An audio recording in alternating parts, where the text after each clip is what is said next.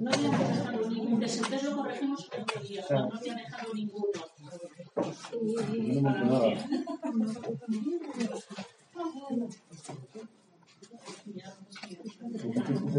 Bueno, pues la idea es. A mí me falta Isabel del EDEP, sistema del EDEP y no tengo las respuestas. No sé si las vas a dar o si no las tiene la práctica. ninguna, pero puedo Y para tener ver. cualquier compañero buenísimo. O sea, que sabe, a mí no me importa que lo, que lo hagáis y yo os lo corrijo sí. 1A, 7, 18, tal, tal. Vale, como veáis. Es que sabes que la no nos podemos. Ya, siempre hay compañeros que sí lo tienen. Pero, mira, yo quiero poner eso.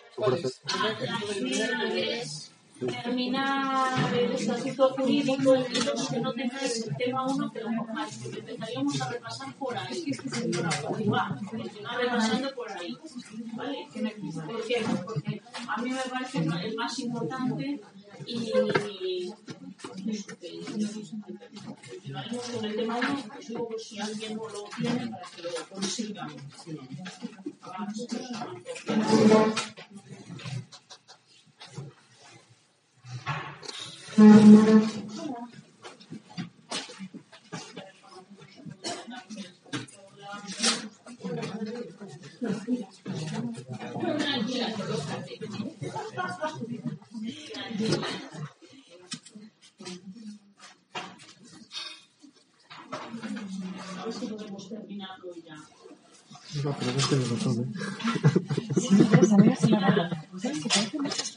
razón, ¿eh? Habíamos terminado ese catálogo de Ah, es verdad que está como ya no se ven el artículo Sí, es verdad, es 65. verdad. quedan otras seis No crees, porque es que a partir de aquí tampoco yo. Así. No,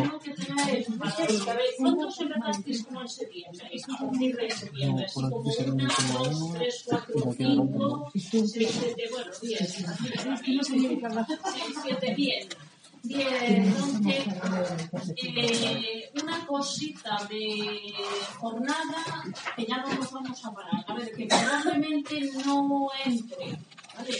Porque viene un poco a recoger eso de si yo hago tantas noches, cuantas más noches haga, menos jornada al año, donde viene un poco en los turnos pues, de 8 a 3, de 3 a 10, de 10 de la noche a 8 de la mañana, etcétera, etcétera, como es el turno primario, como es el estudiantal, me parece que son dos ocasiones, ¿vale? Cinco o seis caras, dos minutos. Recordádmelo, porque ya sabéis que es el que pasa.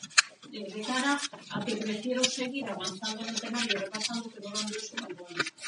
Bueno, si luego hemos examinado el temario, pues ya genial. Tiempo apremia, pues.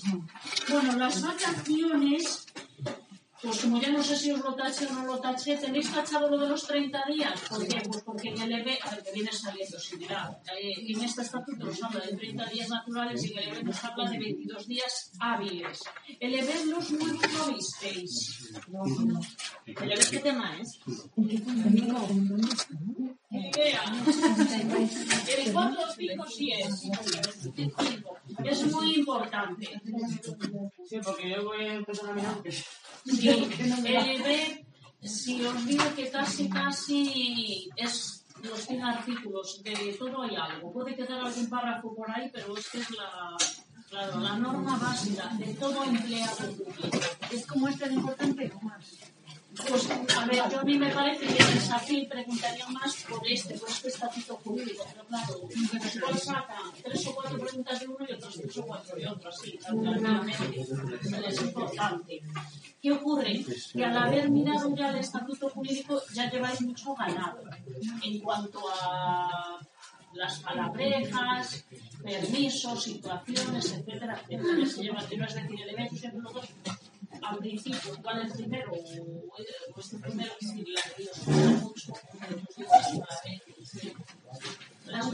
vosotros vais mirando, a mí, como si vais votando, qué temas queréis repasar. Como no tenemos así mucho tiempo, el siguiente va a ser el tema 1 porque es importantísimo, pero después ya lo que me digáis vosotros. ¿Vale? El 1, a continuación de terminar este estatuto, vamos a ver el tema 1. El que no lo siga, lo coge Mira, mira, allí, allí. Bueno, pues vamos a ver las vacaciones en el artículo 65. Nada de 30 días naturales, sino que deber nos habla de 22 días hábiles. Bueno, o el tiempo que, corresponda en proporción a lo que yo haya trabajado. Si trabajo 6 meses, pues van a ser 22 días hábiles. Bien, eh, en el apartado 2, tampoco me paro mucho porque esto ya se ha visto, me dan cuatro, me pueden dar hasta cuatro días más de vacaciones. Nunca voy a tener más de 26, ¿vale? Los 22 que tiene todo el mundo y con 15 años me dan un día más, con 20 otro día más, con 25 otro día más y con 30 otro día más y se acabó. ¿vale? Cuatro en total adicionales. Entonces tened cuidadín. Aquí, si nos preguntan días adicionales de vacaciones o días de vacaciones, y a mí no me dicen nada, son 22. Claro, si me dicen cuántos días de vacaciones tendrá un estatutario que lleva 28 años de servicios prestados, pues ahí ya me está pidiendo que ponga los 22 más los tres restantes 25. También por la respuesta lo vais. Pero si no, serían los 22. Ya estamos en el 65. Los permisos, pues no los miréis por aquí, porque, porque no dicen nada. En la letra E, los días de libre disposición o asuntos particulares son los seis del EB, pero que luego cada administración necesita el sábado, un festivo, no sé qué, no sé cuánto, pero eso sería más de un supuesto práctico. Y luego, que si no habéis quitado o no os he quitado yo la letra G, no hay permiso por matrimonio de un familiar. Entonces el resto solo me los citan, no regula nada. Claro, aquí mirad, esto va a llevarlo para matrícula de honor, pues igual había que ver el pacto de vacaciones y permisos del SACIL. No deja de ser un pacto entre la administración y los sindicatos, eh, regulado mediante resolución de no sé qué, no sé cuánto. Es decir, la categoría no parece más muy importante, no pueden contravenir lo del EB. Entonces, os lo doy y os lía más. Bueno, pues yo no lo he dado nunca, pero si alguien lo quiere, sabe- os diré que es de agosto, pero vamos, lo decís, agosto del 2013, y ahí estaría, es decir, recoger de nuevo los permisos, pues más explicados, porque claro, al ser un pacto vienen más explicados, que lo que vemos en el artículo 48 y 49 del EB. Eh, habíamos visto en el EB, pues si no nos diese tiempo a, a repasarlo, lo de paternidad, ¿no? la nueva regulación. ¿vale? Yo creo que, bueno, pues vais mirando lo que queráis repasar, pero bueno, a continuación luego el tema. Y, y mirad, eh, ya pasamos directamente al artículo 67. No puedes encontrar el EB, pues aquí lo único que aclara es solo para el personal estatutario femenino que ha sufrido esa violencia de género y sabemos, esto ya se ha visto, bueno, hablo así, lo han visto otros no, que esas ausencias totales o parciales de esa estatutaria o por ir al médico, por lo motivo que sea, pues se consideran ausencias justificadas. Falta trabajar 10 minutos, media hora, toda la mañana, etc. Vale. ¿Y qué más puede hacer en el apartado 2? Puede reducir su jornada. Claro, con la dismi- disminución proporcional de la retribución. O puede reordenar el tiempo de trabajo. Imaginaos, pues eh, hay turnos, pero yo pido a la administración que yo voy a trabajar en vez de de 8 a 3, pues voy a venir, voy a hacer lo que soy de letras, de 10 a 5. Es decir, reordenar. ¿Por qué? Pues que a las 8 de la mañana tomo una medicación que no me levanto. Entonces, como todo va a ir a consecuencia, todo lo voy a pedir, consecuencia de ese episodio de violencia, pues lo permite, ¿vale? Le adaptamos eh, adaptación del horario. Y el punto 3 nos dice cómo acredito yo esas situaciones de violencia. Nos remite, esto ya lo hemos visto, a la ley orgánica en 2004 y sabemos que es, ya lo hemos visto, por la orden de protección o el informe del Ministerio Fiscal. Y que ha salido ahora nuevo, que no lo sé, y añaden, por si acaso, sentencia condenatoria firme, sin más. No existe esa orden de protección y que haya ya directa. La orden de protección es que en un primer momento el juez dice eh, cómo quedan los niños en domicilio, la orden de alejamiento, etcétera, algo, vamos a decir, provisional y luego se celebra la juicio. Entonces, añade, pero no sé deciros ahora, no es una ley modificada la ley de igualdad, añade eso, que yo lo pueda aprobar, esa situación de violencia, con una sentencia firme. Digo esto porque si os preguntan con una denuncia, no, yo puedo denunciar, voy, voy, voy y digo, me denuncio que mi marido me maltrata. Entonces hay que probarlo. Entonces, orden de protección, informe del Ministerio Fiscal y, y si queréis añadir eso, sentencia firme, condenatoria firme, como puede ser también absolver a esa persona. ¿De acuerdo? Bueno, lo que viene ahora es muy importante, que son las situaciones administrativas. ¿Cuál es el problema aquí? Que tenía que recoger el estatuto jurídico todas. Y entonces tenemos un trozo aquí y otro trozo en el estatuto mágico. Entonces, continuamente nos está remitiendo a que, fijaos lo que nos dice el artículo 68 se eleva, porque son situaciones para los estatutarios fijos. Esto ya que no se olvide. Serán de aplicación al estatutario fijo, además de las que regula la ley 55-2003, las siguientes. Entonces aquí solo vamos a ver A, B, C, tal, tal, tal. Y allí vienen, pues, otras, como puede ser la de aquellas unidades de gestión clínica, bastante, varias más.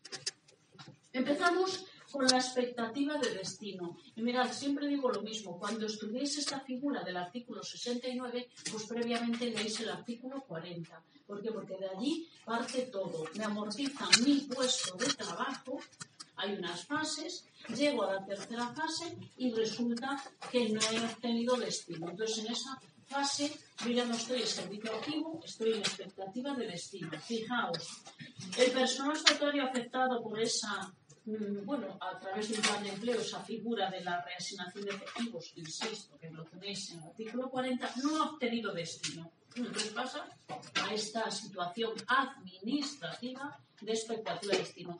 Esto, mucho cuidado, porque me puede preguntar si la reasignación de efectivos es una situación administrativa. Sí, sí, sí, no, no, no. ¿Vale? La que es eh, una situación administrativa es la expectativa de destino. O estar en servicio activo o estar en excedencia, pues tened cuidado y parte todo de la amortización de trabajo, pero la que es la figura que aquí estamos viendo como situación administrativa es esta expectativa de destino. Bueno, lo que viene a continuación es qué efectos tiene más eh, en cuanto a qué cobro yo en esa situación y qué obligaciones tengo para estar en ello. Vosotros no perdáis de vista una cosa. Me han amortizado mi puesto de trabajo y probablemente estoy en casa y cobrando sin trabajar. Entonces, aceptar los destinos, letra A, dice, está obligado a, no si quiere o depende, no, no, no. Aceptar los destinos que les han ofrecidos en el área de salud donde estaba destinado. ¿De acuerdo? Deberá obligatoriamente aceptar el que les ha ofrecido en la misma localidad donde ya estaba destinado, por así decirlo, su puesto de origen y me aclara aquí, que esto ya lo vimos en el artículo 40, como nos dice que tenemos que aceptar destinos, misma área de salud, aquí aclara, ya.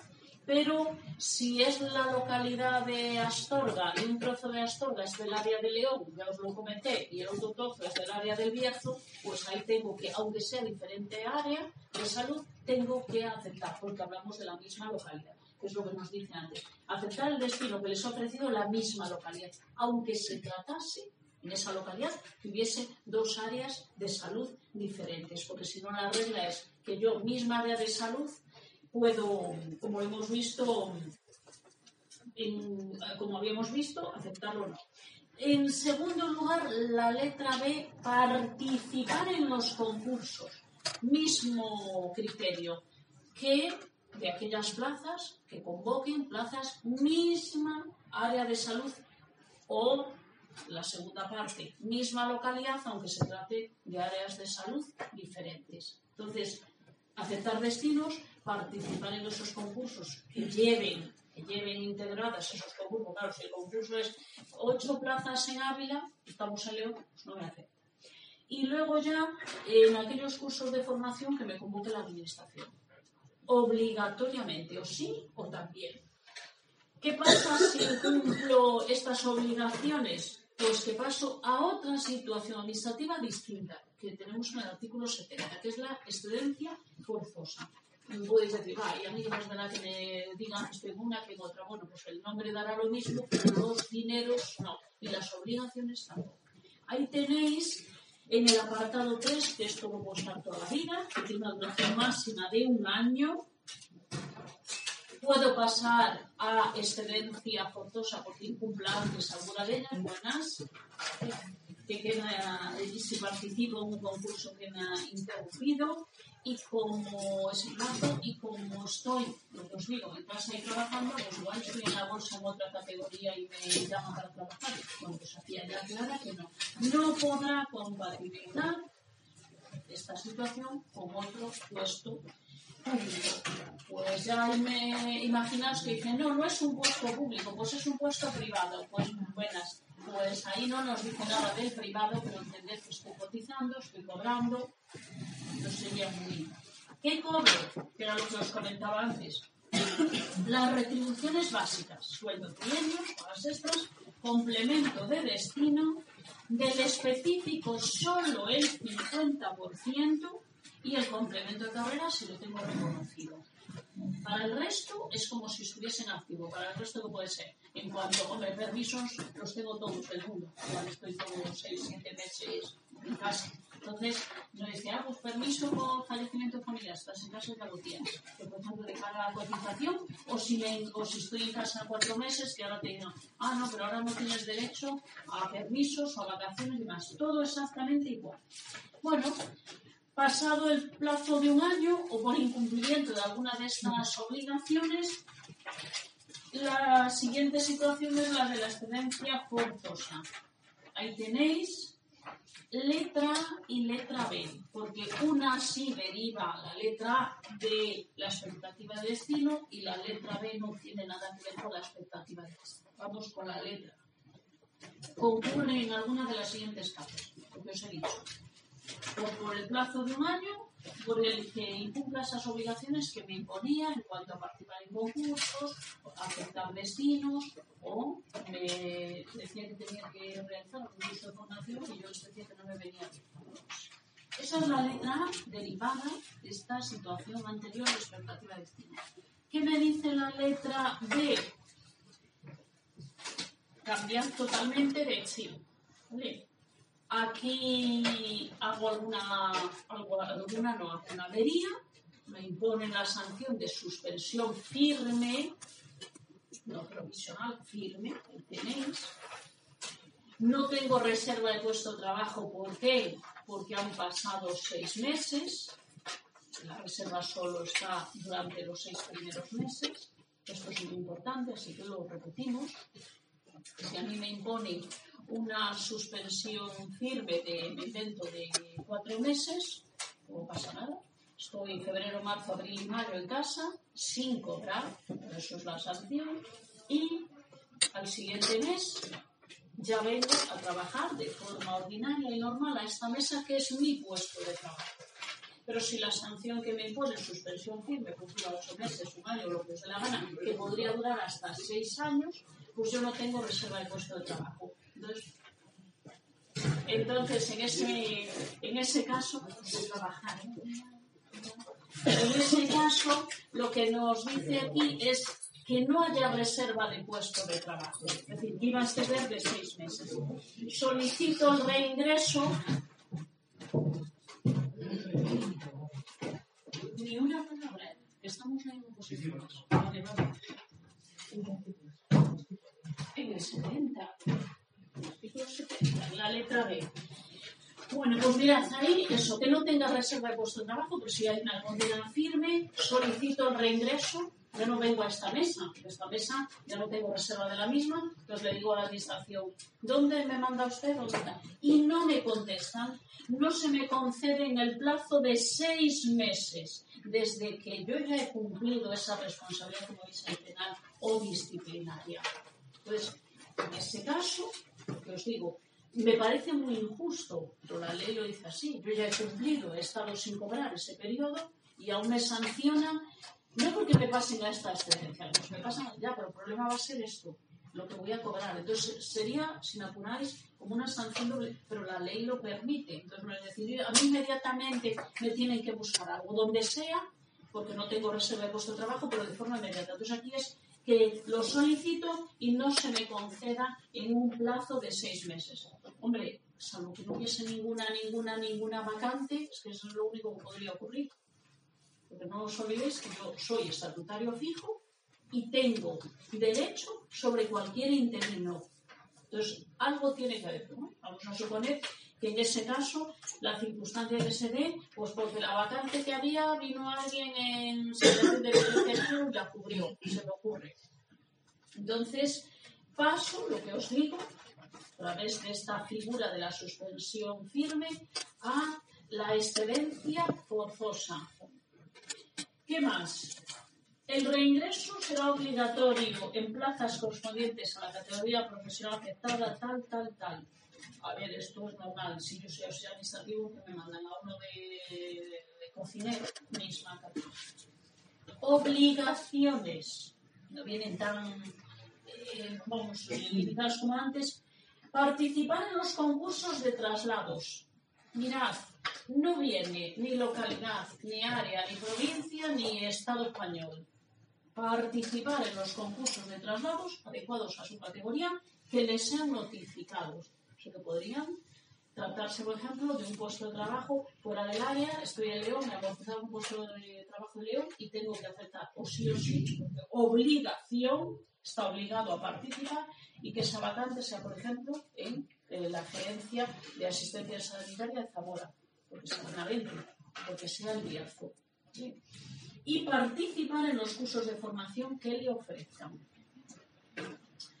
Lo eh, esto, perdón, que no os lo dije, esto sería para los de la expectativa de destino, que no os dije ese apartado 1A, para los, de, los que derivaban, venían de una expectativa de destino. Y para el resto, punto 3, para los restantes puntos, es decir, para estos que vienen de una situación de suspensión firme, pues dicho de la misma manera, fijaos, obligados a participar en los concursos de traslados de aquellas plazas cuyos requisitos reúnan y que les sean notificados.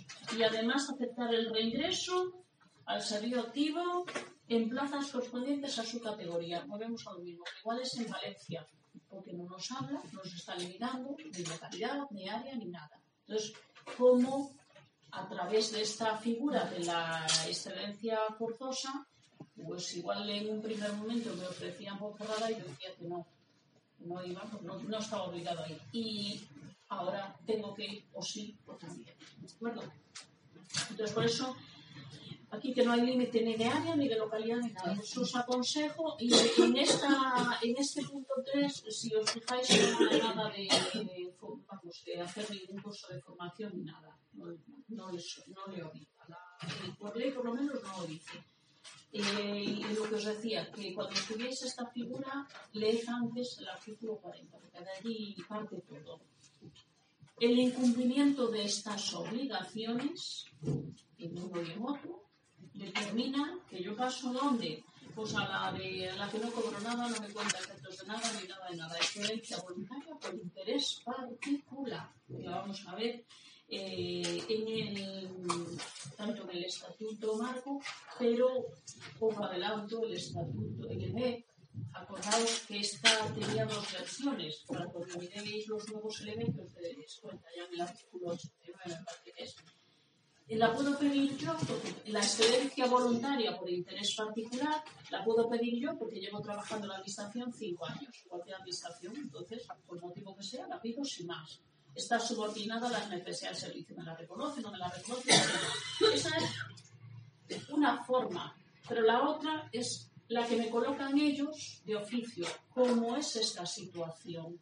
¿Vale? Esa excedencia voluntaria declarada de oficio por la administración. Es decir, yo aquí eh, no digo la quiero, no, son ellos los que al ver que yo incumplo estas obligaciones que se me imponen para la excedencia forzosa, cuando incumplía la expectativa de destino, me pasaban a la forzosa. Cuando incumplo lo de la forzosa, me pasan a esta, la excedencia voluntaria por interés particular, que cuando estuviese en el TREVE, pues vais a ver, no cobro nada, no me efectos de nada, no, co- cotizo nada, nada, de nada, de nada. Tengo ahí una plaza en el SACIL y la forma de volver ya sabemos cómo es a través de un concurso de traslados y demás. Vale, ya yo aquí me perdí. ¿En la excedencia forzosa sí se cobra? Sí, no hemos llegado, pero sí, Ah, bueno, vale. claro, es que sí se cobra, está en el apartado 6. Ah, vale, vale, vale, vale. Vale, entonces, eh, el punto 4 se entiende que en esta voy a cobrar poco, que lo vamos a ver ahora en el apartado 6, y como incumplo voy a pasar a una que no voy a cobrar nada. La excedencia voluntaria por interés particular, pero hacía ese inciso que la excedencia voluntaria también tiene dentro de la misma figura de la excedencia voluntaria la otra, vamos a formalidad que la pida yo, que me toque la lotería y que diga, pues voy a estar sin trabajar 10 años. ¿Qué os parece? Pues genial, estaría en funda todo el dinero. O bien, bien, yo todo me da por el dinero. O bien, trabajo de auxiliar administrativo del SACIO y me ofertan un puestazo donde os dé la gana. En Telefónica, San Juan de Dios o en la pastelería de enfrente cobrando 4.000 euros al mes. Pues vamos, lo dejo todo, ¿no? Solicito la excedencia voluntaria y en ese caso la forma de volver, concurso, etcétera, etcétera. Esta no, esta que estamos viendo aquí es como un- a modo de, no sé si la palabra de sanción de oficio, la administración me va a colocar en esa excedencia voluntaria, ¿por qué? Pues porque en este caso he incumplido las obligaciones, pero lo vamos a ver a lo largo del temario, algunos no lo veréis, otros ya lo habéis visto, porque cada vez que yo incumpla, quedaos con esta frase, la obligación de solicitar el reingreso al servicio activo, y no lo hago, me van a pasar a esa situación de excedencia voluntaria por interés particular. Os pongo un ejemplo que lo entendéis todos. Solicito una excedencia por cuidado de hijos o familiares, por cuidado de hijos duración de tres años, y llegan los tres años y yo ni tiro. Pues que bien estoy con el niño, de otros cuatro años, o sea, otro año más, cuatro cinco, o sea, a mí no me vienen a buscar a casa. La administración dice, como no solicitó el reingreso al servicio activo, pues entiende que esa persona, diciendo ellos dan por sentado, esa persona no se está pidiendo, no se está pidiendo nada, pero la colocamos en la excedencia voluntaria por interés particular. No cotiza, no se le guarda nada, nada de nada, no cobra. Tiene ahí una placa con el salir. Cuando quiera volver esta persona, que nos lo pida a través de un reingreso o a través del concurso. ¿Cómo lo veis? Pero es lo mismo que los tres años de excedencia por cuidado, tampoco cotizas, No, no, no. Tampoco cobras. Sí, no, sí hay cotización, y hay reserva de puesto de trabajo. Todos los años no. No, ya son, son. Ojo que hay nuestras ayudas de la Junta y tal cuando no tienes mucho dinero, sí te da, pero bueno, no es el caso aquí. Aquí es que efectivamente no trabajo y no cobro.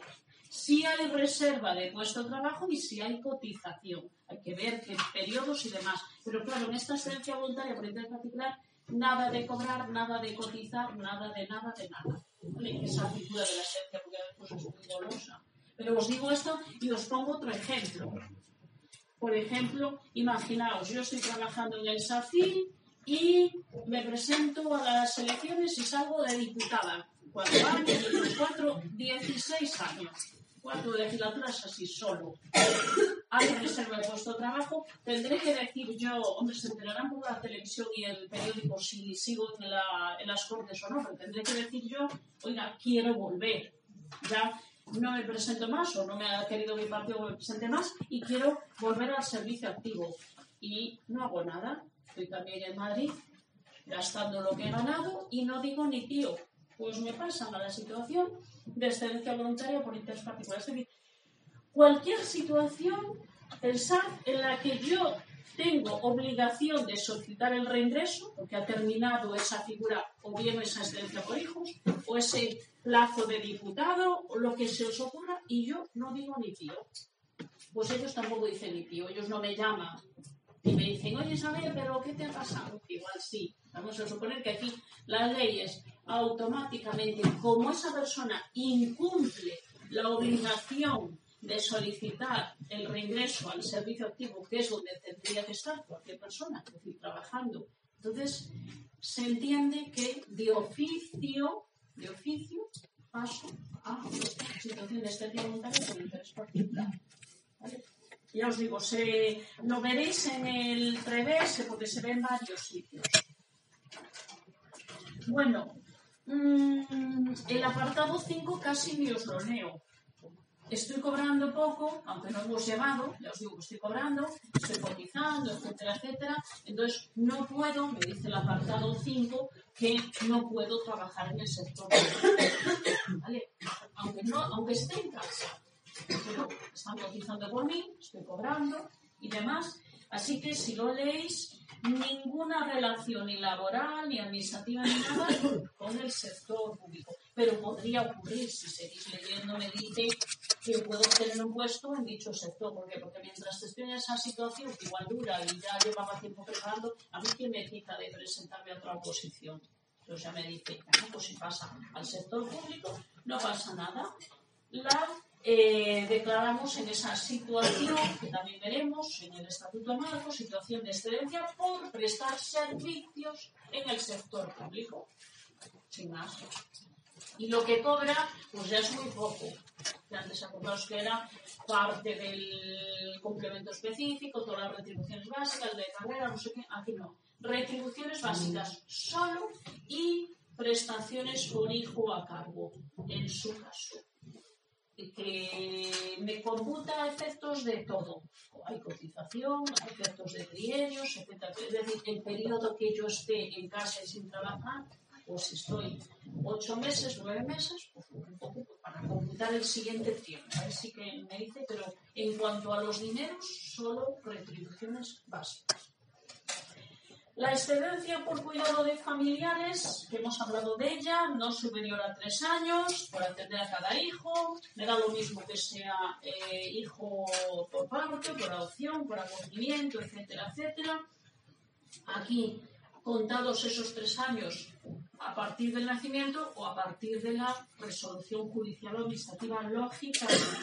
Y en el segundo párrafo, supongo que os lo haya corregido y si no lo corregís, eh, también tengo derecho a una excedencia no superior al mismo periodo. Tenéis ahí tres años, ¿vale? porque antes me parece que eran dos, para eso dos. En el laboral, en el, laboral es uno, ¿vale? Pues tres años para atender al cuidado de un familiar. Esto ellos no lo han cambiado, pero claro, hay que cambiarlo conforme al EB, ¿de acuerdo?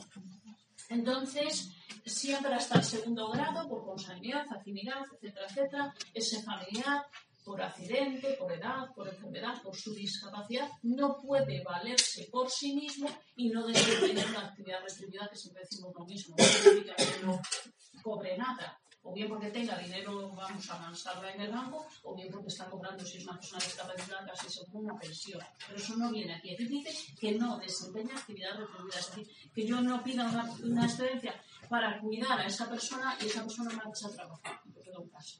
Eso es Que si son niños menos de tres años, con, el segundo caso de los familiares podría ser. Eh, en el momento que un nuevo sujeto dé derecho a una nueva excedencia, se pone fin al anterior. Pensad que tengo un hijo, a los 26 meses nace el segundo, pues si pido excedencia, si no pido, pues nada. Pero si pides excedencia, se pone fin a la del primer hijo, se haya agotado la que se haya agotado y empieza de cero la segunda. Y así sucesivamente. Y hablo de hijos, hablo del suegro, la suegra, el padre, la madre, todos. Todos. La misma de comentar que es un derecho individual, el apartado, adelante, el apartado 4. Hola, buenas. El apartado 4, que es un derecho individual, y aclara que si dos estatutarios a la vez quieren pedir excedencia por el mismo sujeto causante, pensad, dos eh, médicos que la piden los dos, trabajan en el Hospital de León por su madre.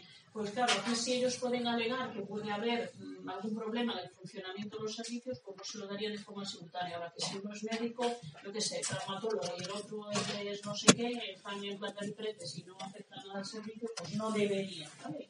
Pero que pueden limitar el ejercicio simultáneo. Como ejemplos, me computa, mirad, a efectos de antigüedad y de derechos pasivos, todo. Es decir, voy a estar cotizando, me computa a efectos de trienios. Durante dos años me reservan mi mismo puesto de trabajo, esta mesa. Y como voy a estar, me invento tres años, ¿vale? que cada uno estará lo que quiera, pues la reserva en ese año va a ser a una plaza, misma localidad o zona básica de salud. Si es en primaria, zona básica de salud, si es en el hospital, misma localidad y por supuesto misma categoría profesional. El apartado 6, supongo que lo tengáis tachado, ¿vale? Lo tenéis tachado, si no lo tacháis, porque si no ahora no tiene sentido. Y por eh, razón de violencia, eh, lo acabamos de ver, lo acabamos de ver respecto a los permisos. Aquí es que yo lo puedo pedir como excedencia por haber sufrido esa violencia.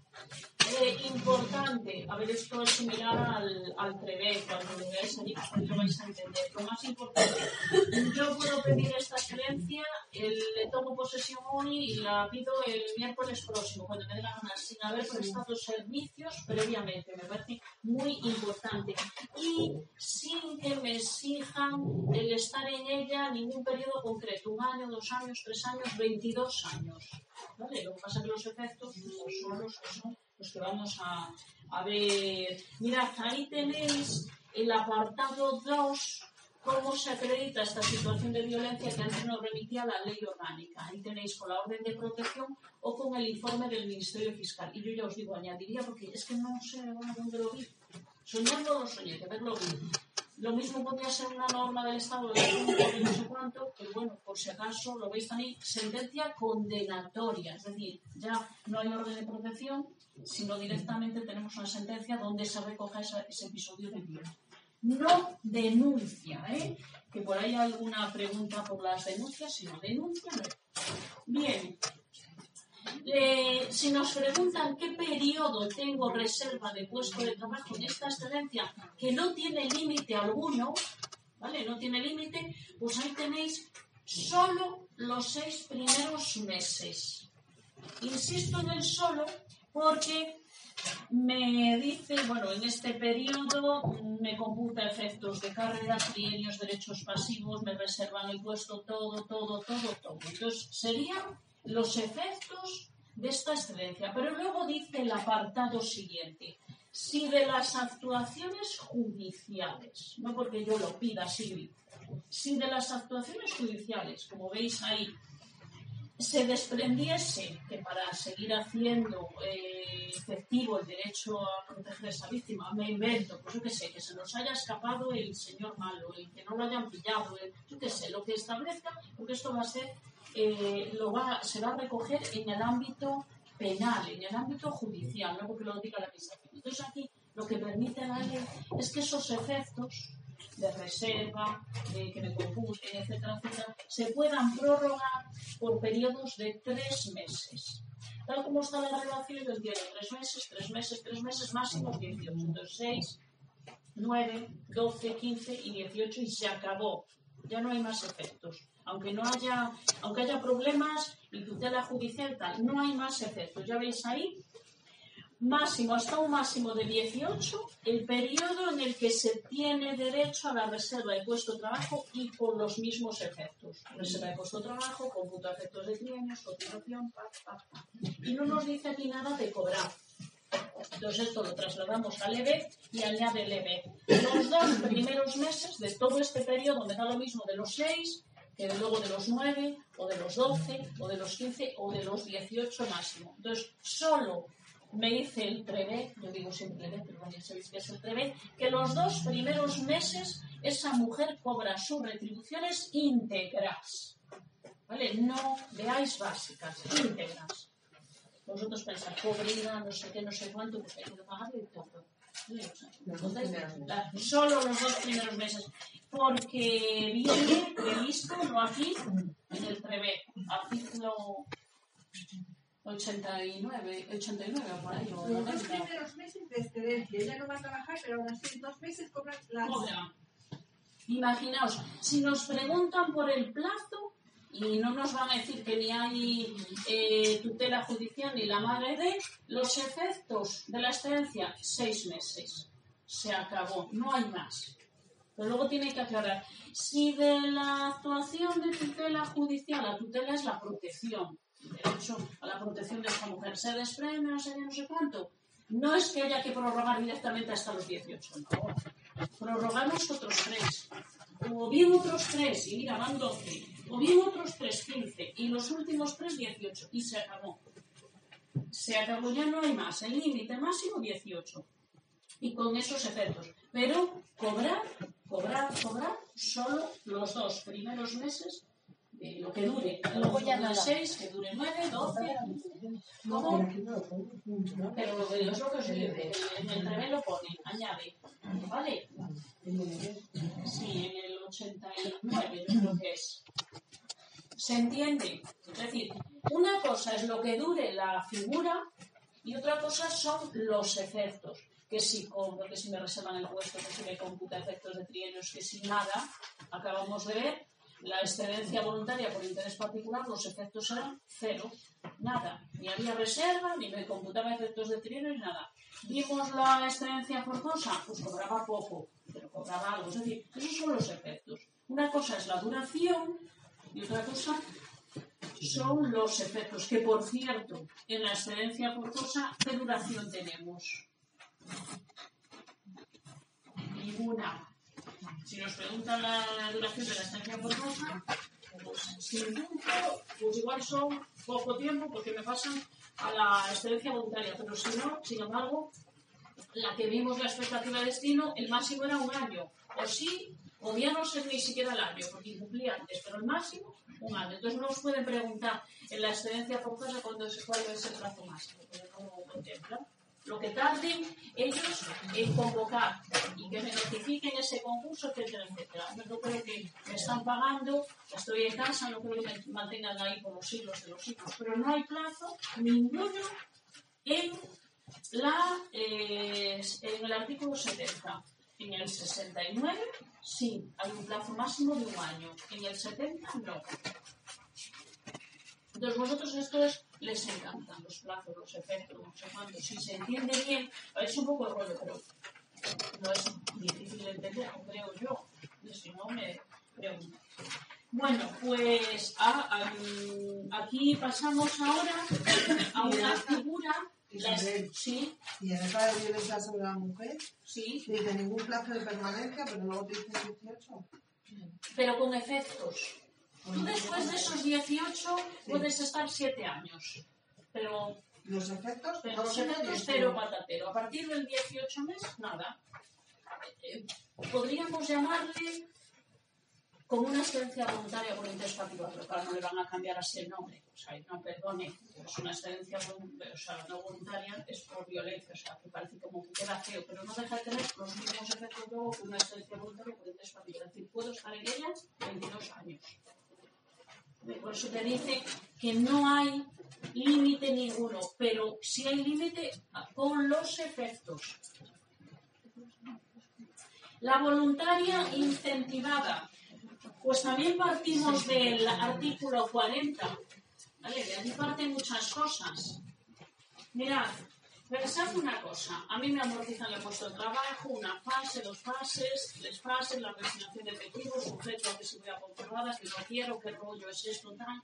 Pues mira, como paso de todas esas movidas, voy a pedir una excedencia voluntaria incentivada. ¿Pero quién la puede pedir? Aquel que ha sufrido, vamos a decir, esa situación, que estaba tan tranquilo en su puesto de trabajo y de repente la administración me dice, te vamos a amortizar el puesto. Entonces, pues claro, no la puedo pedir yo, que estoy trabajando, normalmente dice, ahora voy a pedir una excedencia voluntaria incentivada, que me paguen un dinerillo. No. Yo pediría, entonces hay una excedencia voluntaria por interés particular. Pero mirad, nos dice, el que ha sido afectado por ese proceso de resignación de efectivos del artículo 40, que era que me amortizaban el puesto de trabajo, podrá ser declarado a su solicitud. Aquí tenéis dos párrafos. En esa situación de estancia voluntaria incentivada desde el principio, por así decirlo. O bien, el apartado 2, ya veis ahí, se encuentre o en expectativa de destino artículo 69 o en la excedencia forzosa eh, en el 70. Entonces, to- estas personas, pero que derivan todos de la misma, pueden, pueden pasar a esta excedencia voluntaria incentivada, que la diferencia es que van a cobrar un poquitín, porque quedamos eso con lo de incentivado. No lo puede pedir cualquier persona normal, digo normal, que esté trabajando normalmente y que pida una excedencia voluntaria y que me paguen ahí una indemnización ya después ya volver. Nos pueden preguntar por lo que cobra, los, eh, los derechos, la duración. Mira, punto 3. Duración 5 años. En principio, en principio no puedo, aquí me habla claro de trabajos del sector público, ya veis ahí, pedirá a trabajar tal, tal, tal. Y mirad aquí lo que os acabo de decir. Yo no trabajo, estoy pues, viviendo de las rentas, llega los cinco años, la finalización de los cinco años, ¿qué tendré que hacer? Solicitar un reingreso al servicio activo. Si no lo hago, tenéis, si no solicita el reingreso, concluido ese plazo, estoy leyendo al final del punto 3, se pasa automáticamente, se le pasará automáticamente. Dice, va a solicitar la excedencia voluntaria. No, no, no, automáticamente. Este no quiere volver, bueno, pues nada, no hay problema. Excedencia voluntaria por interés particular. Es decir, veis diferentes momentos en los que yo, que tengo que actuar, no actúo, no solicito el reingreso al servicio activo y la administración dice, sin problema. Entonces, paso a una excedencia, insisto, que no computa efectos de nada, de nada, de nada, de nada. Cuando quiera volver, ya volveré. Dirá la administración por mí. ¿Qué cobro? Como es incentivada, una mensualidad por cada año completo de servicios, pero al máximo 12 mensualidades. Quiero decir que esto sería lo ideal para no perder dinero, haber trabajado 12 años de administración, un mes por cada año. Que llevo 20 años de administración, pues estoy perdiendo, solo me van a dar 12. Que llevo 8 años de administración, solo me van a dar 8 mensualidades. Es decir, el máximo serían esas 12 mensualidades. ¿Qué retribuciones? Las eh, retribuciones periódicas, ya veis ahí.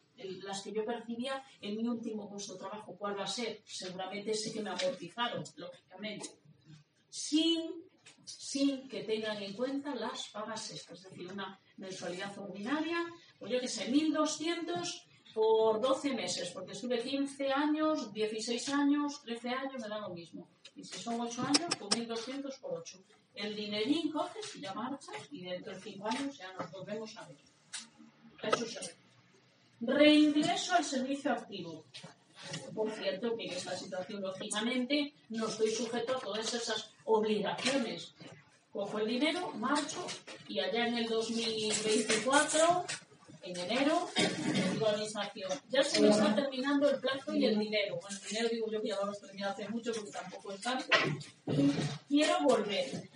¿Cómo vuelvo? Artículo 74. La forma normal ordinaria de volver, participando en los concursos de traslados. Un principio pues, muy importante, un artículo que lo hemos venido diciendo continuamente, pero aquí lo tenéis. plasmado. Pero resulta que también hay otra, vamos a decir, otra forma de volver, de forma, bueno, pues eh, más rápida, pero después al final participando en un concurso de traslados. Solicitando el reingreso al servicio activo, ya veis ahí eh, lo que conocemos de la existencia de plazas vacantes, mi misma categoría, etcétera, etcétera, y lo que eh, tiene que hacer la administración es esa plaza vacante, lógicamente, sacarla al siguiente concurso de trabajo. Yo no participé antes, no llegué a tiempo, ahora me dan algo provisional, cuando saquen esa plaza, cuando convoquen el siguiente concurso, o sí o sí tengo que participar. Bien, eh, bueno, el apartado 3 sería lo que es el reciclaje. Como que no encaja mucho aquí con el regreso al servicio activo, el apartado 3 se refiere a que yo llevo pues, en Punta Cana, creo que sé, 7, 8 años sin poner inyecciones, sin operar, sin nada de nada, y tal como voy a llegar ahora a operar al primero. Entonces solicito, se podrá facilitar, dice en la segunda línea al profesional, que reingrese al servicio activo, y no importa de dónde venga, Digo esto porque la mayoría de la gente que dice esto es el que ha estado de diputado senador, pues yo qué sé, cuatro legislaturas, 16 años. El que ha estado liberado sindical, 13 años.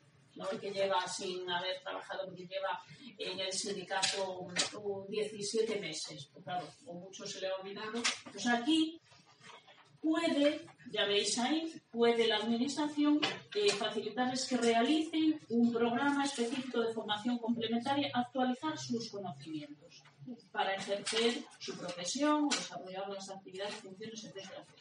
Entonces, que, que, lo que la última línea se refiere a lo siguiente. Desde que yo pido volver y me dicen que sí, que me lo conceden para el 1 de febrero, el 1 de febrero no empiezo a operar. El 1 de febrero, me conceden este periodo de formación de reciclaje, empiezo a eh, realizar ese reciclaje. Pues normalmente, yo gente que he visto de sindicatos, pues eh, de primaria, pues en dos, tres centros de salud, pues las nuevas tecnologías, o lo que ah, pues ahora el síndrome es que no se mira así, tenemos una nueva máquina y aclara aquí que eso no merme ni mis derechos ni cobrar una vez, pues como no estás trabajando, estás ahí formándote ese mes, pues no cobras nada, no, perdone. Yo vuelvo con todos los efectos desde el 1 de febrero. Yo empiezo a pinchar y a poner y a operar el 15 de marzo, ese mes y pico, porque eso lo reconoce la administración el periodo y va a ir en función del tiempo que hayas estado ausente. Lo pides y ellos te lo reconocen. Bueno, eh, acción social, que no quita el sueño, el artículo 75, hay que, la administración tiene que convocar esas ayudas de acción social, ya veis ahí en las condiciones y cuantías de las convocatorias, y si miráis el apartado 2, ¿pero qué pueden consistir? Pues pueden ser de carácter individual, pues ahora el médico ese que además matriculó en Derecho. Bueno, pues una ayuda, por ejemplo, para matrícula, porque tenemos niños discapacitados, o para las gafas, o para, etc. Ya veis ahí, prestaciones sanitarias excluidas, sobre todo gafas, dentista y demás. Pero todo esto tiene que convocarlo, si no... ¿Tengo derecho a anticipo? Sí. ¿Que no me llegan los 4.000 euros que cobro? No se preocupe, la administración me va a dar anticipos. Derecho a obtener anticipos reintegrables, claro que tengo que devolver, lógico. En los mismos términos que vengan previstos. Ya hay una norma eh, que viene, vamos, que regula esta, esta cuestión. Ah, vale, que voy acá. Artículo 76. Cambiamos totalmente de asunto y el 77 cómo mejoro, cómo puedo promocionar lo que es lo que llamamos carrera profesional en el SAFIR. Nos dice este artículo que el Servicio de Salud de Castellón favorecerá el desarrollo del profesional. ¿Cómo? De tres maneras, ¿entendéis ahí? Facilitando mi formación, a través de cursos gratuitos, etcétera, etcétera, eh, reconocimiento del grado de progreso mm, referido, ya lo hemos explicado, a la carrera profesional, pues del grado 1 paso al 2, en nuestra administración, no la mía, veremos que hay cuatro grados, y luego ya eh, otra forma de mejorar a través del procedimiento de promoción interna. ¿Quién me dice del artículo 78? Yo ya os digo, esto no os quite mucho el sueño. El artículo 78 pues la formación que esté sujeta, letra A, a la actualización permanente, revisión permanente de las metodologías docentes y lo mismo con la evaluación de las competencias. Esto lo vemos en el TREVEC que está así como medio más referido a que se pueda evaluar, sobre todo, claro, a los puestos directivos, así de más renombre, evaluar su calidad y cantidad del trabajo.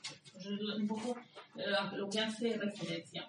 Las características de la formación, en el artículo 79, que se oriente a que el personal se familiarice con esas tecnologías, las innovaciones tecnológicas, que ha de ser planificada. Salían el otro día, bueno, era para la Junta de Castilla para los funcionarios de la Junta de Castilla una tira de, cursos, pero para dar y tomar, de prevención de no sé cuánto, pero así en el boletín, pues os digo igual 200 y pico, 300, porque era, ocupábamos una línea cuántas plazas había, etcétera. Eh, planes y programas centralizados, el punto 4, si yo hago un curso formativo me va a interesar mucho que me lo acrediten, es decir, que me sirva para algo, y tenéis un objeto de acreditación. Y el punto 5, si yo voy a un curso por mi cuenta, lo pago, etcétera, etcétera, pues ya pediré si me permiten ir o no. Pero aquí se refiere a que sea el propio Servicio de Salud el que organice esos cursos. Y si es obligatorio, pues que se trate de realizar dentro de la jornada laboral. Y para el resto, cuya asistencia resulte voluntaria, o si es posible, pues que me concedan los pertinentes permisos. Un poco eso, que la administración facilite. Y si es ella la que pues convoca esos cursos de formación, que sea dentro, que no le hagamos venir al trabajador, es decir, a turnos y demás, pues un día concreto a mayo. El artículo 80 nada, y bueno, la carrera profesional, como no nos queda mucho, pero claro, nos queda salud laboral, régimen disciplinario y la madre de, pues ya no continuamos, no nada.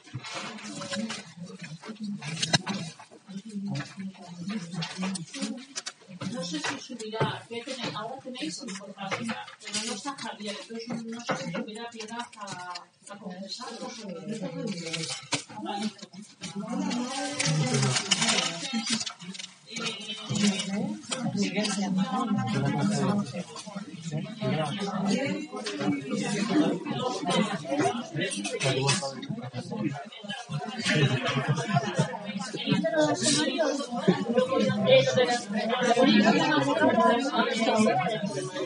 No, no, los que estamos aquí nos falta alguna hora de clase. Marchar y los tres, horas día.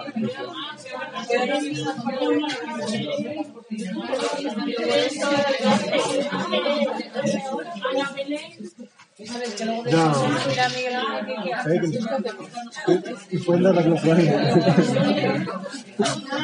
Porque yo me iría, ¿eh? Claro que se va a quedar, me imagino. Oye, ni tan.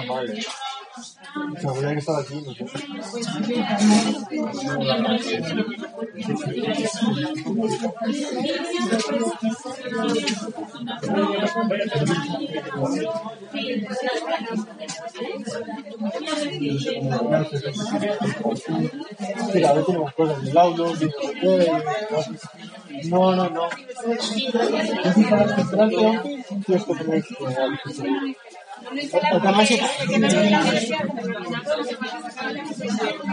es que- cuando tú instalabas, cuando tú instalabas Office te ponía instalación normal o personalizada. Si tú la personalizada te deja elegir lo que quieres instalar. Igual tú le ah, que eso lo voy a. Ah, vale. Igual por eso. Ah. Pues es como que igual lo tienes y no, y no lo sabes. ¿El cuál?